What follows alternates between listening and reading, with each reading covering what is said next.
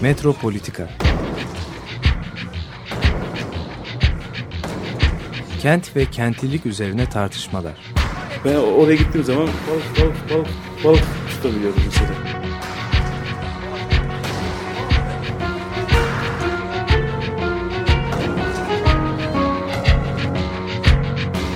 Hazırlayıp sunanlar Aysin Türkmen, Korhan Gümüş ve Murat Güvenç. Takusuyor yani. Kolay kolay boşaltamadılar. Yani elektrikçiler terk etmedi Perşembe Pazarı. Merhabalar sevgili Açık Radyo dinleyicileri. Bugün e, Korhan Gümüş, Murat Güvenç ve ben Aysim Türkmen hep beraberiz. Ve bugün Galata'yı konuşacağız. Galata'daki e, son dönem 90 sonrası dönüşümü konuşacağız. Evet.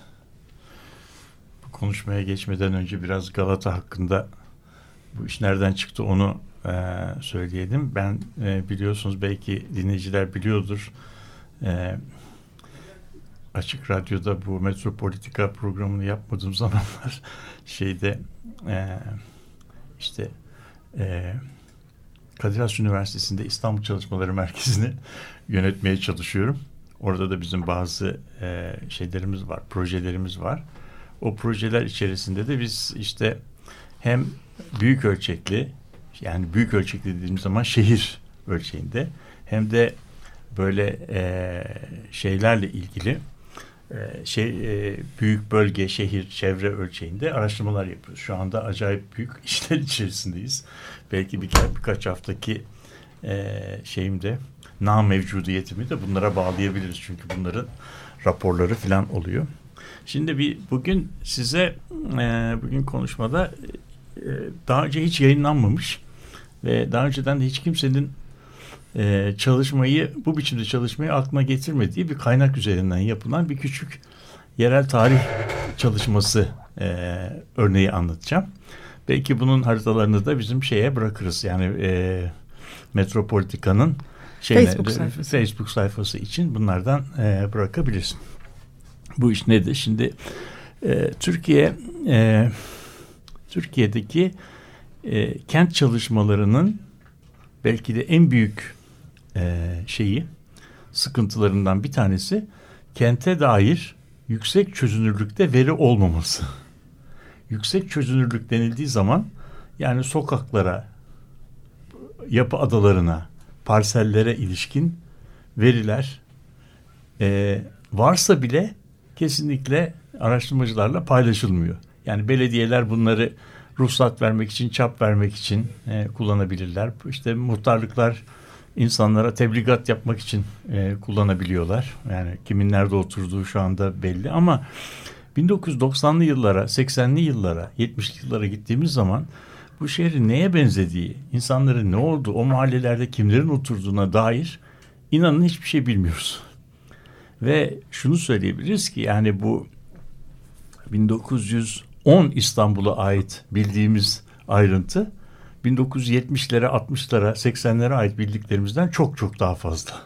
Yani biz 1910'ları, 20'leri, 1890'ları bina bina, e, sokak sokak her şeyi biliyoruz da 1970'lere dair, 80'lere dair hiçbir şey bilmiyoruz. Burada çok büyük bir e, kayıp da var. E, nüfus sayımları bu konuda e, bize çok bilgi verebilirdi. Fakat Amerika'dan farklı olarak nüfus sayımında toplanan, e, doldurulan kağıtlar e, Türkiye'de bir defa e, toplama alındıktan sonra 1960-70'li yıllarda müsvedde veya hani şey malzemesi nasıl diyelim sekaya gidecek malzeme e, olmuş ve biz e, şeyin e, 1970, 60, 50 sayımlarının bu araziden toplanan çok değerli bilgilerinin ancak toplamlarına sahibiz. Ama sokaklar itibariyle bu bilgileri sahip değiliz. Mahalleleri hakkında hiçbir şey bilmiyoruz. Mahalleler hakkında Türkiye'de nüfus sayımı üzerinden elde edilebilen tek bilgi, ilk bilgi 1990 sayımına ait. O da çok az insanda var. Bir tanesi de toprağı bol olsun. Ben de e, şeyin katkısıyla e, elde ettim ve Frederick Shorter hmm. katkısıyla e, e, elde ettim. O zaman Devlet İstatistik Enstitüsü'nün baş danışmanıydı. Bana bir e, büyük şehirlerin e, nüfus sayımının yüzde beşlik örneklemini verdi. Ben de bu örneklem üzerinde bütün araştırmalarımı bunun üzerinden yaptım. 2000 sayımına ait de bir bilgi var.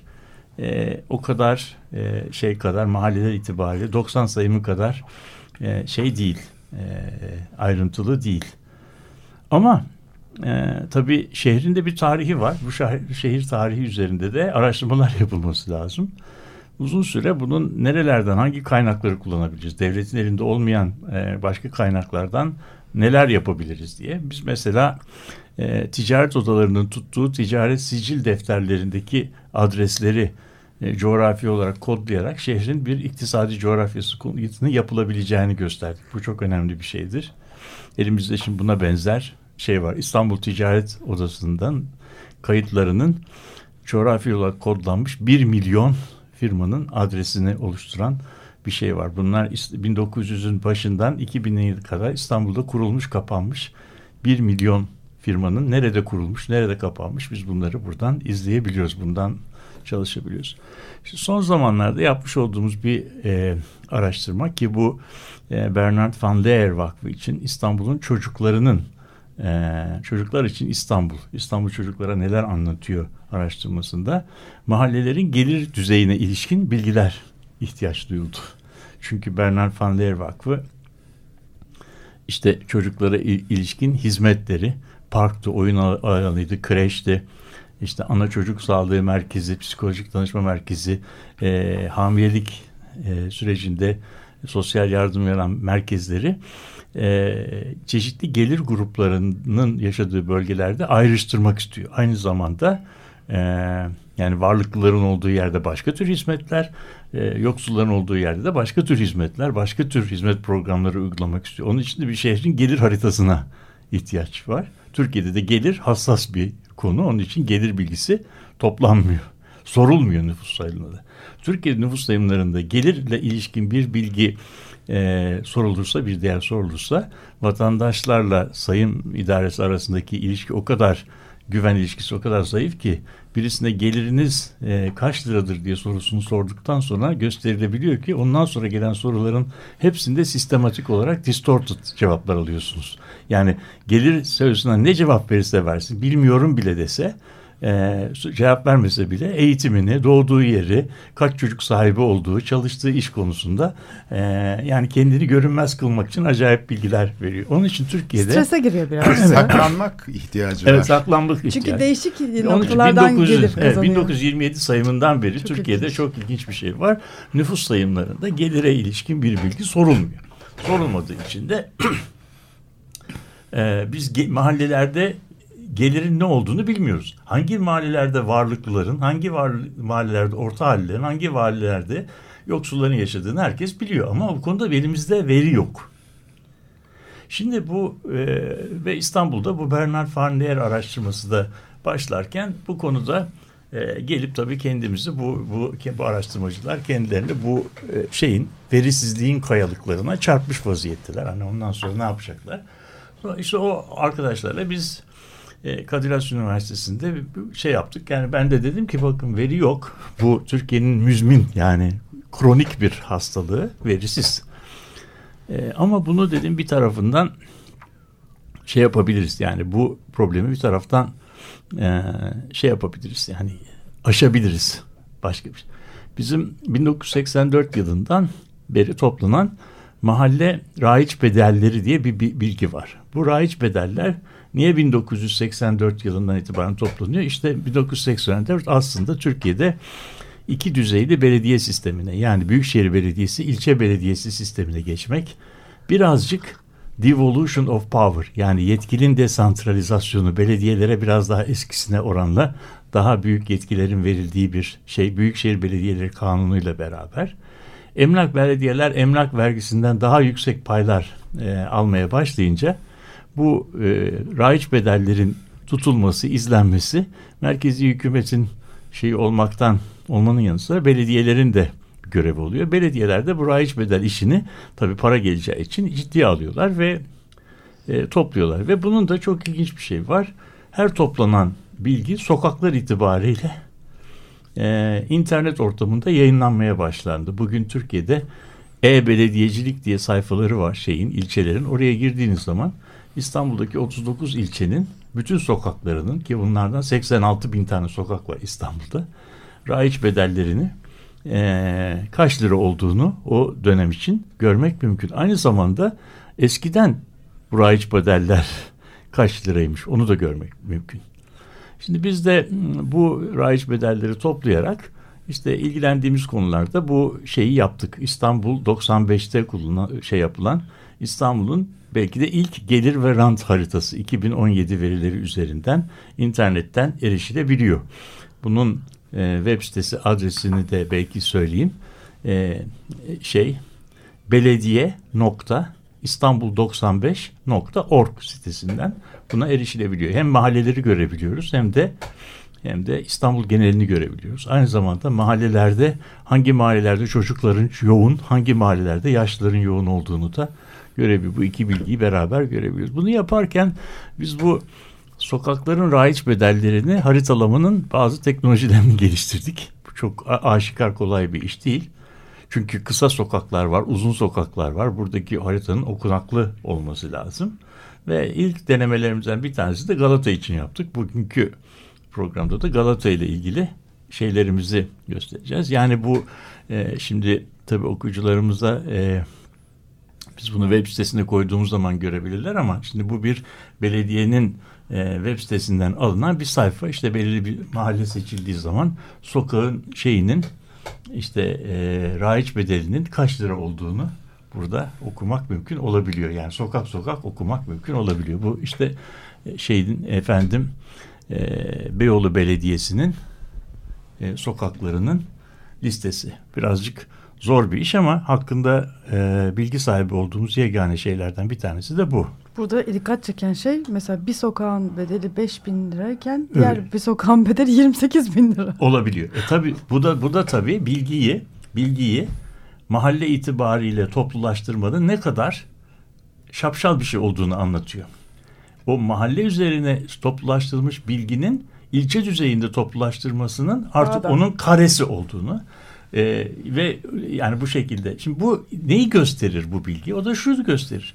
İstiklal Caddesi'ni bilen herkes bilir ki İstiklal Caddesi'ne cephesi olan bir binanın gelir vergisiyle İstiklal Caddesi aynı blokta İstiklal Caddesi'nin değil de öbür sokağa bakan, arka sokağa bakan binanın vergileri arasında muazzam, muazzam bir fark var. İşte bunu bunu bilmeden şehirdeki yapıyı anlayamaz. Peki emlak değeri neyi gösterir? Nasıl geliri nasıl gösterir? Şuradan gösterir. Eğer bir yerin emlak değeri çok yüksekse ve sizin orada e, ikametiniz varsa iki şey var. Ya orada bir mülk sahibisiniz ki o zaman bir varlığınız var. Ya da orada kiracısınız ama oranın kirasını karşılayabiliyorsunuz. O demektir. Anlatabiliyor muyum? Yani mülk sahipliğinden çok daha e, hassas. Bir yer şeyi çok düşükse e, emlak raiç değeri ki çok düşük değerler artık metropolü çeperlerinde e, rastlanıyor. Ona baktığımız zaman da orada yani sizin orada emlakiniz olsa bile bu emlaki çok büyük bir varlık dediliyor. Kiracı olsanız da ödediğiniz kira herhalde metropol genelinin çok altında bir kira ile Şimdi bu e, şey yaparken hani Beyoğlu'ndan söz ederken e, şeyden söz etmiştin hani e, üst evet. Beyoğlu ve Alt Beyoğlu diye işte Tophane ve Kasımpaşa. Evet. Mesela Dolapdere'de aslında şeyin tam olduğu derenin doldurulmuş olan derenin tam kıyısındaki e, kiralar çok düşük. İşte orayı göreceğiz. Ha. Şimdi göreceğiz. Şimdi burada ikinci şeyde e, web sitesine koyacağımız ikinci şeyde işte mahalleler, Şahkulu, Kemankeş bilmem sokağın adı buradaki şeyler e, emlak değerleri. E, ve tabii emlak, emlak değerleri de 90 lira 90 yılında kuruşla ölçülüyormuş. İşte şeyde e, 98'e geldiği zaman e, işte lira ile ölçülmeye başlamış. Bugün ise artık emlak değerleri bin, bin TL'lerle ölçülüyor aradaki şey. Şimdi bu bilgilerin karşılaştırması için de bayağı istatistiksel cambazlık yapmak lazım ama onlara girmeyeceğim. Bunu e, 1990 yılının sokaklarını haritaladığımız zaman e, şey, Beyoğlu'nda böyle bir şey oluyor. Sarı renkler yani bunu sitede göreceksiniz. Sarılar ve maviler diye biz bir renk tonları yaptık. Sarı yani kırmızıya doğru yükseldikçe emlak değerinin yüksek olduğu şeylere geçiyoruz. Maviler ise emlak değerinin düşük olduğu değerler. 1990 yılına baktığımız zaman tabii bu sitemizde Tophane Karaköy aksını görüyoruz. Karaköy'den Azepkapı'ya giden hattı görüyoruz. Ondan sonra şurası e, Galatasaray Tünel arasındaki hattı ve ona bakan sokakları görüyoruz. Tepebaşı bu tarafta. Şurası da işte e, kule dibi ve ona bakan e, şeyler, sokaklar. Şimdi 90 yılında gördüğümüz harita ki bunu paylaştığımız zaman herkes görecek. E, bu dalan yıkımlarının olduğu yılın hemen e, ertesinde açıkça gözüküyor ki şeyde e, Beyoğlu'nun en e, nasıl diyelim cazip iş merkezi diyebileceğimiz yer e, Perşembe Pazarı'nın olduğu yer. Tophane kısmı ve bugünkü limanın olduğu kısım son derece düşük e, emlak değerlerine sahip o zaman 90'lı yıllarda. Yani Sev köprünün dışında kalan, kalan kısım, kısım düşük. Niye? Yani, Halbuki niye? tam tersi olması. Tam tersi olması gereken. Evet. Niye?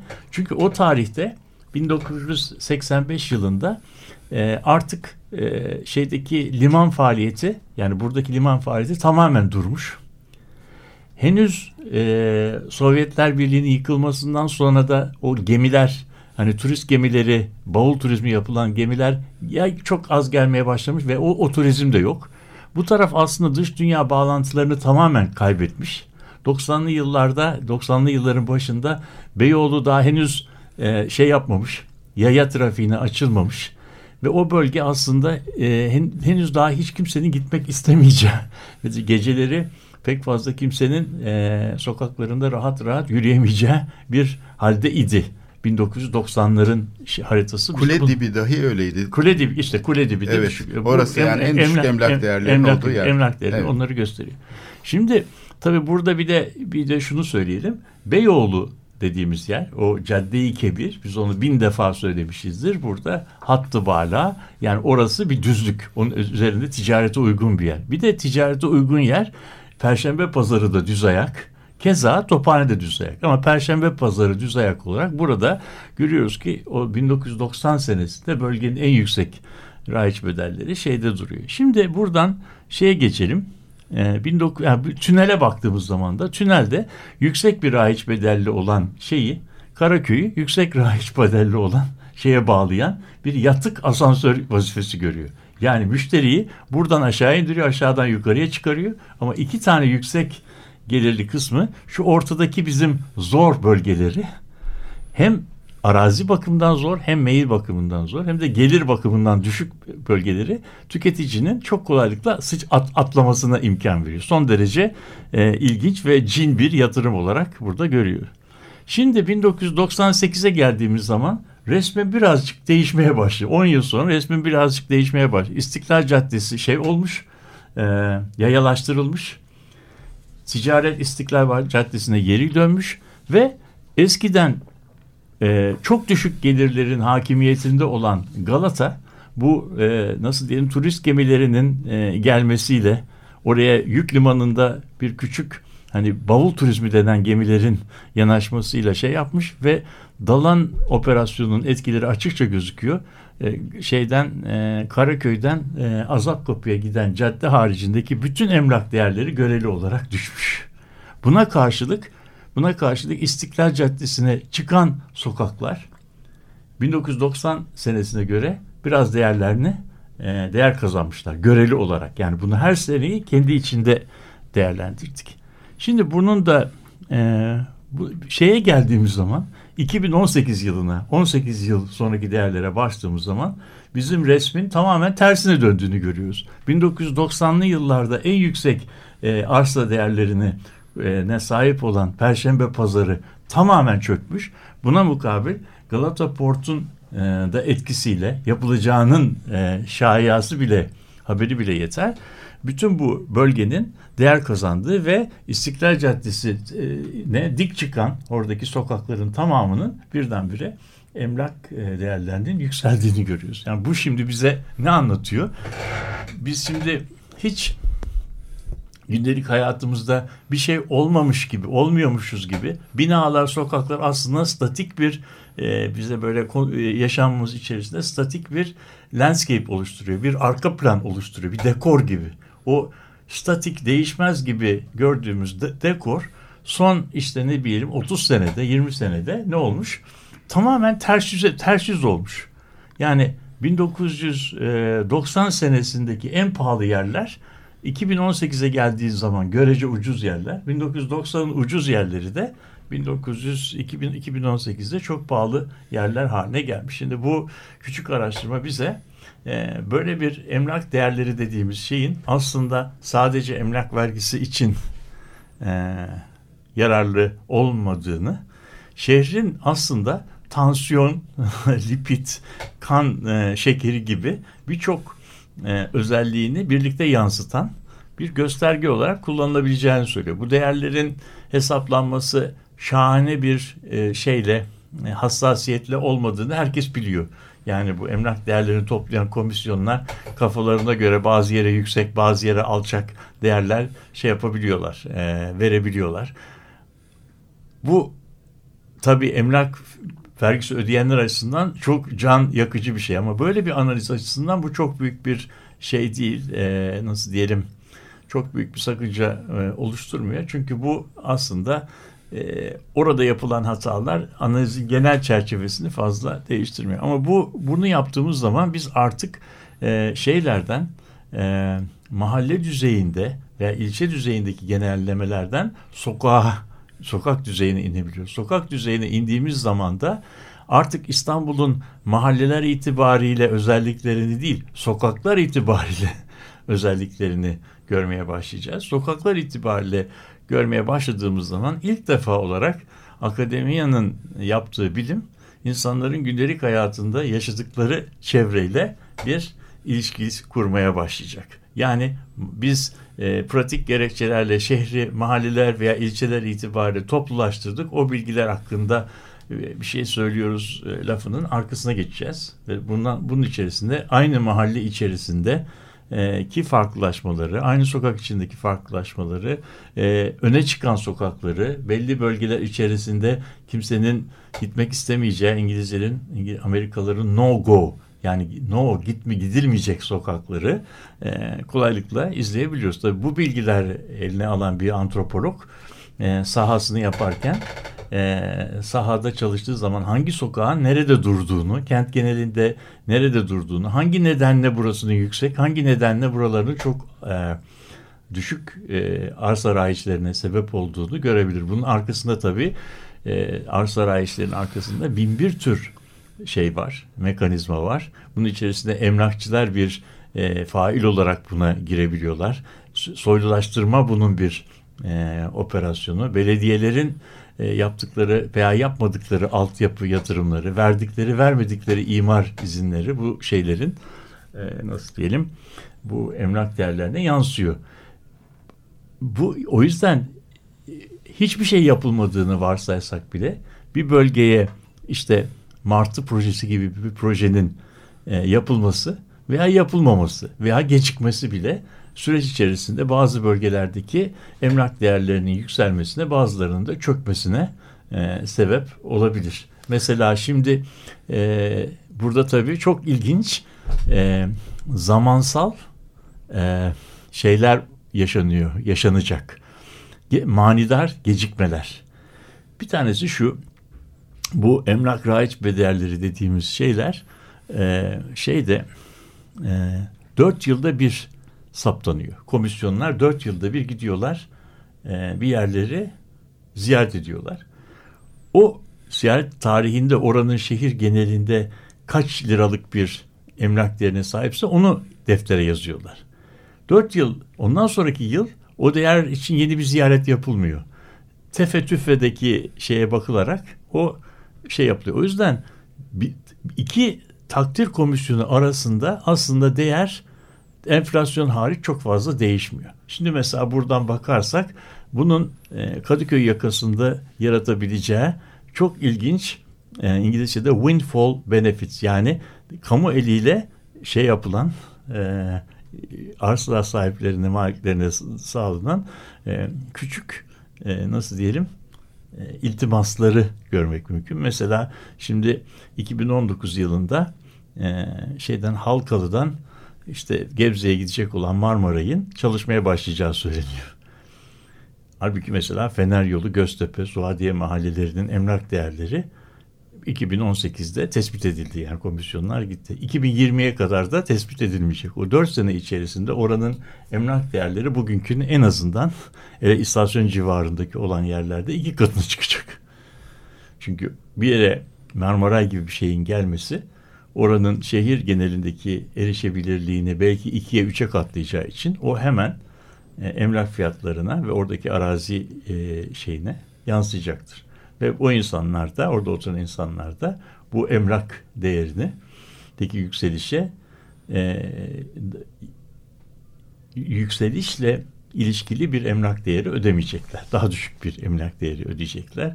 4 sene 5 sene sonra bu değerler yükselmiş olacak. E, yani bu durumda bu şey emlak değeri işi öyle sadece e, vergiye esas olan bir matrah değil aynı zamanda kentin bir çeşit tansiyonu, nabız gibi kentteki olup bitenlerin izlenmesine elverişli bir çerçeve oluşturuyor. Bizim analizimizde bunu biraz şey yaptı. Ben e, şeyleri, resimleri e, siteye koymak üzere bırakırım. Bu dinleyiciler de belki burada benim anlattığım şeyleri resimlerden e, görmüş olurlar. Bu bu bölgeyle ilgili e, hepimizin de e, uzun zamanlar çalıştığı, en e, hani içinde de yaşadığımız için e, ilgilendiği bölgelerden bir tanesi herhalde en önemli gelişmelerden biri Galata Port. Ama bir yandan da hani e, bu şimdi bu sürece baktığımız zaman e, 2000'lerde başlıyor aslında Galata Port'un söylentileri e, ve daha bugün hani görüyoruz artık hani evet. ne kadar iyi ne kadar kötü onu başka programlarda tartışıyoruz zaten ama yani bu söylentiyle beraber aslında buradaki en önemli e, bu raiç bedelleriyle ilişkide de burayı etkileyen faktörlerden bir tanesi Galata Port. Evet. E, yani ben e, işte 2004-2005'de orada çalıştır, çalışırken herkes sadece Galata Port diyordu. Yani bütün esnaf, ev sahipleri, çocuklar hani herkes Galata Port'tan bahsediyordu. E, ve sonra hani oradaki fiyatların ve oradaki e, soylulaşmanın da etkisini yarattı, oluşmasını Tabii. sağladı. Ama bugün acaba aynı etkide mi? Yani ya da, ya da şu haritada e, oluşturdu mu zaten hani bu söylenti burayı oluşturdu mu ne düşünüyorsunuz? Yani Galata Port burası için çok bağlantılı çünkü. E, tabii yani işte bir yere bir yere Galata Port'un e, fiilen yapılması e, gerekmiyor. Şeyde Söylenti. pazar ekonomisinde pazar ekonomisinde bir kural var. İngilizce geçmiş geçmişte kalmıştır. Bunun İngilizce kurası bygones are bygones. Yani geçmişte olup biten geçmişte kalmıştır. Onu geçmişte olan bizim e, geleceğe şey. Şimdi Next. Şey, bir pazar, paz, pazar ekonomisi onun için hep beklenti anketleri üzerinden çalışır. Hmm. Yani gelecek yani yıl sonunda dolar kaç lira olacak? Önümüzdeki yıl işlerin daha iyi olacağına inanıyor musunuz? Yani o yüzden şey pazar ekonomisi e, aktörlerin geçmişte yaptıklarında değil, geleceği nasıl gördükleriyle çok ilgili bir şey. O yüzden de bu şey Galata Port'un fiilen Galata Port olarak çalışması gerekmiyor. Buraya Galata Port yapılacakmış, yapılıyor işte. Yani onun inşaatının yapılmaya başlanması bile o bölgedeki e, bütün arazi kullanımlarını, faaliyetleri, o bölgenin algılanmasını, genel e, şeyini nasıl diyelim e, toplumsal muhayyeledeki pozisyonunu değiştiriyor. Burası çok şık bir yer olacak. Buraya kruz, e, kruvaziyer gemileri yanaşacak. Buralarda artık e, oradan inecek olan paralı turistlere hitap edecek şeyler satılacak. Efendim e, elmas kolyeler, işte kuyum eşyaları, hediyelik eşyalar satılacak ve buralarda çok şık mağazalar ve çok restoranlar olacak. Onun için biz buradan yer alalım. Aslında e, şimdi biraz da düşününce bu, bu beklenti ve hayal e, şehri çok belirliyor. Olduktan sonra projeler genelde bu beklentileri de tam Her anlamıyla zaman, bazen, da karşılamıyor. Bazen, bazen beklentinin çok oluyor. üzerinde bazen e, işte bazen düşük e, beklentiler çok düşük, yüksek bir şekilde evet. çıkıyor ama çok büyük beklentiler olanlar olduğu zaman genelde de işte genellikle genellikle bu, bu işte şey şans oyunlarında o böyledir. E, herhalde sizin ailede de çok kimseden duymuşsunuz. Ah biz o zamanlar buralar hep tarlaydı. Buralardan arsa almak vardı. Alsaydık çok zengin olurduk. Tamam mı? Veya o zaman e, o zaman e, bizim rahmetli büyük peder dedi ki ya buralardan bir şey olmaz biz satalım. bu evi satalım dedi. Sattı. Ondan sonra da o buralar oldu. Yani o yüzden insanların bu tür şeyleri biz sadece genellikle bunu itiraf edenler azdır. Genellikle bu işten iyi para kazananların öykülerini dinleriz ama bir taraftan da kaybedenler kaybedenler kaybedenler pek kay, kaybedenler pek kaybettikleri çok söylemezler. Çok evet. sıkışmadık. Vakti zamanında biz buralar şeydi alabilirdik, almazdık derler. Şimdi böyle evet. ama bu şey yani nasıl e, piyasalar anlatılırken beklenti anketleri çok e, şeyse e, önemliyse şehrin geleceğiyle ilgili olarak da e, arsa sahiplerinin beklenti anketleri, bankacıların e, işte gayrimenkulle kredi veren e, kuruluşların e, bölgeler hakkında şey yaptıkları verdikleri kararlar çok önemli. Şeyde Amerika'da David David Harvey bir pratikten bahseder böyle kentteki çö çöküntü belgelerinin oluşmasında temel faillerden bir tanesi de bankaları olarak şey yapar. Çünkü bankalar buralardan ne köy olur ne kasaba diye redlining diye bir şeyleri var. Bir kırmızı çizgi çiziyorlar. O kırmızı çizginin ötesindeki yerlere kredi vermiyorlar. Kredi vermeye başladıkları zaman o bölgeye yapılacak bütün şey e, gayrimenkul yatırımları duraksıyor. Duraksadığı için de o bölgenin yaşadığı çöküntü süreci daha da hızlanıyor. Çünkü bölgeye yatırım gelmiyor. Geleceği öngörüyorlar. Geleceği işte gele, yani geleceği, geleceği hem öngörüyorlar hem de hem de şekillendiriyorlar. Şekil, hem de şekillendiriyor. Evet. Şimdi bu bu bu şey üzerinden e, işte İstanbul'un nasıl diyelim e, veri olmayan, veri fakiri e, İstanbul'daki bazı süreçleri izleme konusunda şeyler, ipuçları elde edebiliyoruz. E, isterseniz çok kısa bir müzik arası verelim. E, madem Galata'dan bahsediyoruz o zaman e, buranın bir Musevi mahallesi olduğunu, Yahudi mahallesi olduğunu da atlamayalım ve e, seferat müziğiyle devam edelim. Los Psaros Seferadis'ten dinliyoruz. La Rosa Enfloreze.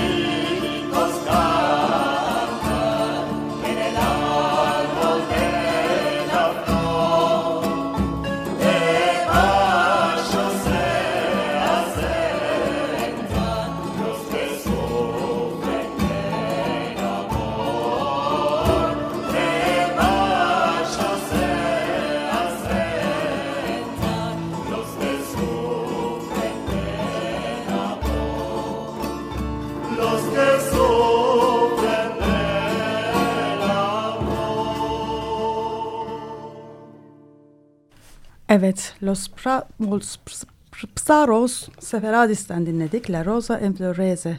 Galata üzerine konuşmaya devam ediyoruz. Ee, Murat Güvenç e, 1990, 1998 ve 2018'de e, raiç bedeller üzerine mahalleler değil sokaklar üzerinden e, bütün bu bölgenin nasıl değiştiğini e, çalışmışlar. Bunu e, demin anlattı.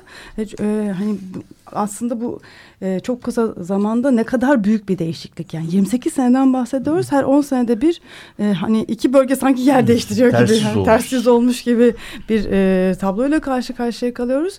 Burada e, değişik e, farklı e, işte projelerin de etkisi mutlaka var ama bir yandan da aslında e, hani demin e, en son konuştuğumuz noktada bu projelerin hani e, yarattığı imgeler ve hayaller var ama aslında yaşayışlar en çok etkili şeyler. Yani projeler hani bu beklenti yaratarak algı yaratarak ama gene insanların yaşayışlarındaki hani duygularını hislerini oluşturarak e, yani bu yukarıdan olan projelerin aslında bir yandan da hani insan yaşayışı kadar etkili olmadığını hani e, bütün bu raiç bedellerin oluşmasında e, insanların kenti kullanımlarının, kenti algılamalarının ne kadar önemli olduğu ortaya çıkıyor. Bu da çok enteresan geldi bana. Hani Evet, evet doğru da. Acayip doğru. büyük projelerden bahsetsek bile esas hani nasıl bu projeyle ilişki kurduğu insanların. Tamam ama işte o zaman o zaman şöyle bir şey var işte kentle ilişki kurma biçiminde e, şu yanlışı biz düşünüyoruz. Kenti kentin kendisini edilgen bir dekor, bir şey arka plan, bütün işleri yapan duygularıyla, eylemleriyle, yatırımlarıyla, spekülasyonlarıyla da kentliler olarak diyor. Failler, insanlar, kent bir dekor. Halbuki öyle değil. Kentte yapılan bütün büyük yatırımlarda aynı zamanda zaman içerisinde birer faile dönüşüyorlar. Yani 1970'lerin köprü birinci köprü yapılmadan önceki şeylerine baksaydık, emlak e, değerlerine baksaydık belki Perşembe Pazarı ile Galata arasındaki böyle bir kontrast falan görmeyecektik. Belki o zaman Galata Perşembe Pazarı'ndan daha e, öne çıkacaktı. Çünkü 1970'lerin İstanbul'unda biz bunu yapmadık ama yapılabilir belki bir şeydir. E, uzun bir araştırma ama yapılabilir. E, o dönemde e, köprü açılmadan önce İstanbul'da nereden nereye gidersen git e, bir defa Karaköy'den geçiyordun. Yani Karaköy'den geçmeden e, İstanbul'da bir yerden bir yere gitmenin imkanı yoktu. Yani şeylerin nasıl diyeyim tarihi yarımadada oturanların e, bu tarafa geçmeleri, iş yerine gitmeleri, Anadolu yakasında oturanların kente bağlanmaları her zaman e, Karaköy üzerinden oluyordu. Bunun yani Karaköy'ün yaşadığı belki iki büyük travma var. Bunlardan bir tanesi ikisi de birbiriyle ilişkisi birinci köprünün yapılması.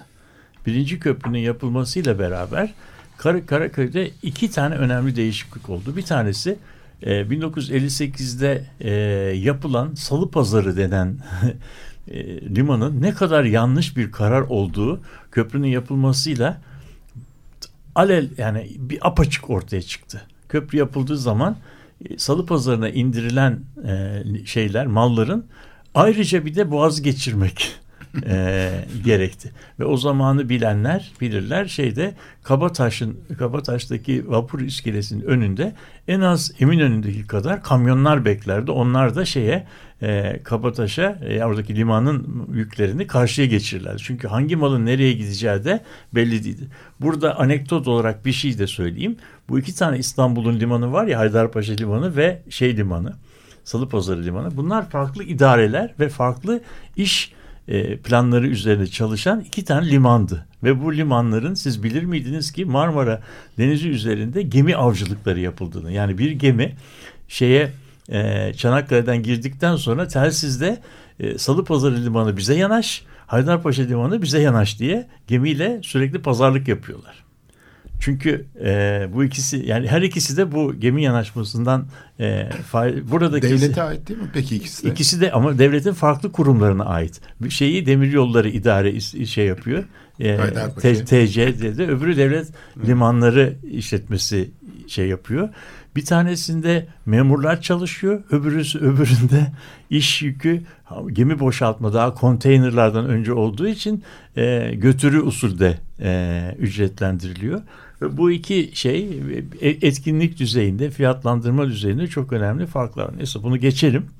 E, ikincisi köprünün yapılması. Köprü yapıldığı zaman o dönemde trafik çok az motorlu araç sayısı da çok az. O yüzden araç sahibi olanlar 10 dakikada Taksim'den Kadıköy'e gidebiliyorlar. Yani o otoyol gibi sistem üzerine. O tabii şehirdeki bütün nüfus dağılımını her şeyi etkilemeye başlıyor. Artık insanlar vapurla gitmek yerine vapuru bypass ederek e, şey köprü üzerinden köprü üzerinden gitmeye başladıkları zaman Karaköy bütün her şeyle beraber yerinde dursa bile şehrin içerisindeki anlamı değişiyor artık Karaköy'e gitmeden de e, İstanbul'da bir şeyler yapmak mümkün oluyor. Tabii bu tabii Karaköy'deki e, yeraltı geçidi gibi bir şeyin eski halini bilenler e, ve o dönemin etkilerini açıkça görürler. Eskiden Karaköy'deki yeraltı geçidi çok şık bir yerdi.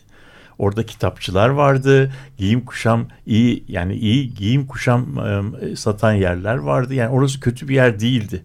Şimdi gittiğimiz zaman orada zirai aletlerin satıldığını ve yani en son aklımıza gel, almayı düşündüğümüz malzemelerin satıldığı e, şeylerin satıldığı Karaköy bir yer. Meydanı'nda mesela traktör benzeri ya da şey tarım e, şeyleri aletleri satılıyor yani küçük. Art, artık oraya gelmiş. Yani Evet. şimdi bu bu şey, şehir, şehrin olmazsa olmaz bir merkezi olmaktan çıkmış ticari demek Herhangi ki şey. şeyinde yani ticari profilde böyle toptan e, Anadolu'ya hitap eden toptan e, malların satıldığı bir yer haline gelmiş. Ve bu göz açıp kapayıncaya kadar olmuş. Şimdi burada ben bu küçük öykünün içerisinde e, Apollinaire diye bir Fransız şair var. Onun e, bir kentle ilgili olarak bir kent e, gezgini e, şiiri vardır. Mirabeau Köprüsü'nün altında diye bir şiiri vardır. Bir- Biraz ondan bahsedeyim. Orada da şöyle diyor. Ben diyor bu Sen Nehri üzerinde bir Mirabeau Köprüsü var. Yüzyılın başında. Mirabeau Köprüsü'nün altından da Sen Nehri akıp gidiyor. Sen Nehri ile beraber günler geçiyor, haftalar geçiyor, aylar geçiyor, yıllar geçiyor. Her şey akıp gidiyor. Bir tek ben yerimde kalıyorum. Ben değişmiyorum diyor. Tamam mı? Şi- şiirin içerisinde. Aslında o akıp giden zamanla beraber e, kentsel süreçler e, ile beraber şehirler de değişiyor. O peyzaj da değişiyor. Bizim değişmediğini zannettiğimiz dekor da değişiyor. Fakat bunlar o kadar yavaş değişmeler ki biz biz o değişmeyi algılayamıyoruz. Bizim algılama şey, hızımızın çok e, yavaş bir değişme.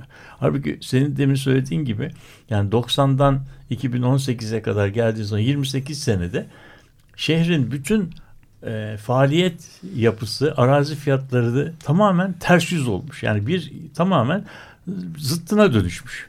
Yani bir yerin tamamen zıttı. Ve, ve bunun aslında buna değinen, bunun farkında olan kentlerin sayısı son derece az. Çünkü bunlar yavaş süreçler. Ama belediye başkanı Ve mesela bundan bunun farkında. farkında çünkü e, 87'de şeyi yıkarken Haliç yıkımları gerçekleşirken aynı zamanda onun arkasından da Esen projesi diye bir proje gelmişti hatırlarsanız. Bir tane köprüler, yeni Ee, şeyler. Şeyin arkasında işte bu e, diyelim ki Ok Meydanı'nın altında e, Piyalepaşa Bulvarı E5'e bağlandığı için e, burada bir merkezi iş alanı kurma Fikri hayali vardı. vardı. ve işte 87-88 o tarihlerde e, büyük bir tepkiyle karşılaşmıştı bu Bir plan. e, galiba Güzel Sanatlar Akademisi'nden bir hocamızın da burada şeyleri vardı danışmanlıkları. Bir de şey de çok önemli. Bunu da atlamamak lazım. Mesela tam sizin bu çalışmanız aslında 18 1989 yani Rusya'nın açılmasıyla ba- çok bağlantılı. Yani Tabii, İstanbul çünkü hep biz hani doğu batı ekseninde düşünüyoruz ama esasında İstanbul'un bütün damarı kuzey güney bağlantısı. tabii, tabii. Dolayısıyla Rusya açıldığı zaman dünyaya İstanbul'a dünyaya İşte açılıyor. tabii o- Dolayısıyla bu süreçte hani burayı görmek bütün dünyayla bağlantısını anlamakla Tabii. da ben, bağlantılı. Ben sunuşumda biraz ondan da bahsettim. Bu 90'lı yıllardan itibaren yani Sovyetler Birliği'nin yıkılmasından sonra tabii çok büyük bir e, sosyal değişim oldu. Ondan sonra e, bu e, bu mal bu ülkelerde hiçbir tüketim malı temin edilemiyordu. Ondan sonra bizim Türkiye'de Laleli'nin yükselişi, Türkiye'nin Sovyetler Birliği'nin eski Sovyet blok ülkelerine, Balkan ülkelerine çok yüksek miktarlarda tüketim malı ihracatı, deri deri ceket şey ve bu o zaman bavul turizmi denen bir turizm başladı. Bavul turizmi genellikle yani işte İstanbul'a turist olarak gelen bir adamın İstanbul'da bir sürü alışveriş yapıp ondan sonra mallarını oraya götürmesi şeklinde oluyor. Şimdi bu durumda ilk önce bu bavulla başladı. Daha sonra bu bavulları uçakla yani uçakla balya halinde götürmeye başladılar. Bu o kadar karlı bir ticaret oldu ki Çorlu'da ki hava meydanını bu ülkelere yönelik bir yarı kargo olarak yani bunların içerisindekiler aslında turist idiler ama yanlarında bir turistin taşıyabileceğini çok yüksek miktarda uçakla yük taşımaya var. Derken ondan sonra üçüncü bir dalga geldi. Bu ülkelerde artık denizde yüzebilecek her şey İstanbul'a turizm seferi yapmaya başladı. Bunlar küçük posta gemileri İstanbul'a gelip gitmeye başladılar. Bu tabii gemide taşınabilecek yükün uçakta taşınacaktan kaç kat olduğunu biliyor. O yüzden bir kameranız varsa bir kamera tuttuysanız pek de zaten gemi yolculuğu çok pahalı bir şey de değildi. Fiyatlar da ucuz. E, kam kamerayı ağzına kadar e, mallarla doldurmak mümkün olabiliyordu. Ve işte e, kapatılmış olan limanın e, kaybettirdiği şey e, faaliyet e, Salıpazarı limanında böyle bu küçük gemilerin yanaşmasıyla tekrardan canlandı senin söylediğin gibi. Yani 1990'lardan sonra e, nasıl diyelim küllerinden o bölge tekrardan doğmaya başladı. Nitekim 98'e geldiğimizde bölgenin bayağı değiştiğini görüyor biliyoruz. Ondan sonra 98'den 2018'e geldiği zaman bu sefer o bavul ticareti bitiyor ama onun yerine e, şeyin nasıl diyeyim Galata Port'un e, muhayyel e, zenginliği onun yerine geçiyor. Bu şekilde e, beklentilere göre yerler birdenbire e, kendi anlamlarını e, değiştiriyorlar, şey yapıyorlar. E, burada her şeyde tam planlandığı gibi oluyor, olmuyor. Mesela Perşembe Pazarı da e, Perşembe Pazarı e, öyle hızla yıkılmıyor. İkincisi de direniyor. Bu, direniyor. E, ve de çok önemli bir şekilde bir büyük show room halinde çalışıyor. Artık burada bir satış olmasa mallar başka yerden yüksel yüklense de Anadolu tüccarıyla İstanbul tüccarı Perşembe pazarında karşılaşıp iş kotarıyorlar. Keza hemen yapılıp da 2004'te senin söylediğin hani bizim bölgemizi şey yapacak. 2018'deyiz daha hala Galata Port'un ee, ne zaman bitecek onu görüyoruz. Yani bazı şeyler beklenenden e, beklenildiği kadar kötü olmuyor. Bazıları da beklenilen beklentileri karşılamıyor. Şehir birazcık bunları da sağlıyor. Şey de bence önemli. Hani çok güzel hani 90'lar işte bavul ticareti 98 Galatapol muayyelesinin başlaması 2000'ler İstanbul'un da bir dünya hani Avrupa başkenti olması, hani dünyada bir hani dünya kenti olması, global kent olmasının getirdiği turist leşme. Yani var, var. Bu, bu bölgeyi en çok etkileyen dinamiklerden bir tanesi de ve bu ama e, bir yandan da 2018'e gelmeye başladığımızda e, aynı şeyde olmadığını hmm, da işte görüyoruz gemiler artık gelmiyor. Evet. Yani hani böyle bir hani aslında işte bu şehir bizi konuşturuyor. Neler neler daha da çıkar hani sadece şu bölgenin üzerinden e, birkaç kitap herhalde yazılabilir. Ya, tabii tabii bu bölge çok, bu çok şu, şu çalışma kaldı. üzerinden. Peki bu şey beni ilgimi çekti. İlk başta söylediğim bir söz vardı.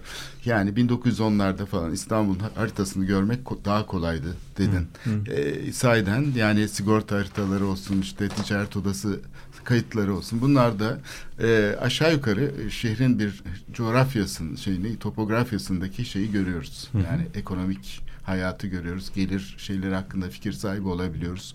Meslekler itibariyle vesaire. Fakat e, mesela 1970'ler mesela flu bir şey. Ama o tarihlerde Perşembe Pazarı'nın sayeden çok etkili olduğunu, üstelik de bu ithal ikameci dönemde tersine hani demin bavul ticaretinden söz ediyordum. Mesela giden gelen gemiler, Hı. askeri gemiler de dahil hepsinin yük taşıdığını, onların bir şekillerde dağıldığını, şehre dağıldığını ve bu dağılım noktalarının içinde gene Tophane, Karaköy falan buraların önemli bir e, merkez olduğunu biliyoruz ama bu kayıtları hani bu kadar açık e, şey olarak e, göremiyoruz. İki sebebi var bunun. Hı. Bir tanesi bir tanesi e, İkinci Dünya Savaşı ile ilgili. İkinci Dünya Savaşı şehir çalışmaları alanında bu veri meselesinde çok büyük e, değişikliklere sebep oluyor. Bu İstanbul için e, sahip olduğumuz şehir rehberleri ki bunlar 4000 sayfalık büyük kitaplar. Salt Galeri'de bunları görmek mümkün. İstanbul'la ilgili bölümü 3000 sayfa. Bütün sokakların, bütün binalarında kim oturuyor, ne iş yapar hepsini orada tek tek görmek mümkün. Bunlara anüver, anüver işte şey Staatsführer, şehir rehberleri deniyor. Savaştan önce mi? Savaştan. Iki, fakat Hı. İkinci Dünya Savaşı'nda e, Almanlar e, Avrupa'da işgal ettikleri yerlerde bu bunları kullanarak bütün e, şeyleri, bütün e, Musevileri elleriyle e, takır takır buluyorlar. Yani bu şimdi e, şey ve teker teker herkesi ondan sonra da şehir e, analizlerinde confidentiality yani mahremiyet diye bir gizlilik. Yani bilginin bilginin böyle alenen e, ortaya e, saçılması ve mesela şeyde e, mesela telefon rehberlerinde bile e, isminin e, açıklanmasını istemezsen e, eski telefon rehberlerinde e, gözükmeyebilirdin. Yani gözükmek sildirebiliyordun. Sildir. Evet. Çünkü çünkü o bu confidentiality ilkesi nedeniyle e, moderniteden sonra çok yüksek e, şeyde presizyonda şahsi bilgi vermek e, yasak oldu. Unethical oldu. Çünkü bu bunun çok kötüye kullanıldığı gözüktü. İstanbul'la ilgili yani bir bunun bir evrensel tarafı var. Bir de şehir tarihiyle ilgili başka tarafları var. Konuşabiliriz. Önemli Ama bu, bir nokta bu söylediğin evet. Evet e, programımızın sonuna geldik. E, destekleyicimiz Cemile Özçam Yalabuka çok teşekkür ederiz. İyi haftalar dileriz.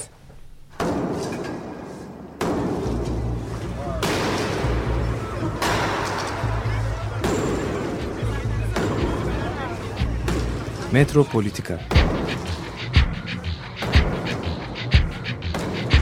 Kent ve kentlilik üzerine tartışmalar.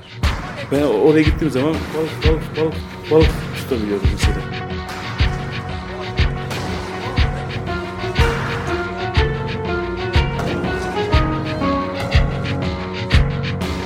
Hazırlayıp sunanlar Aysin Türkmen, Korhan Gümüş ve Murat Güvenç. Takusuyor yani. Kolay kolay boşaltamadı. Yani elektrikçiler terk etmedi Perşembe Pazarı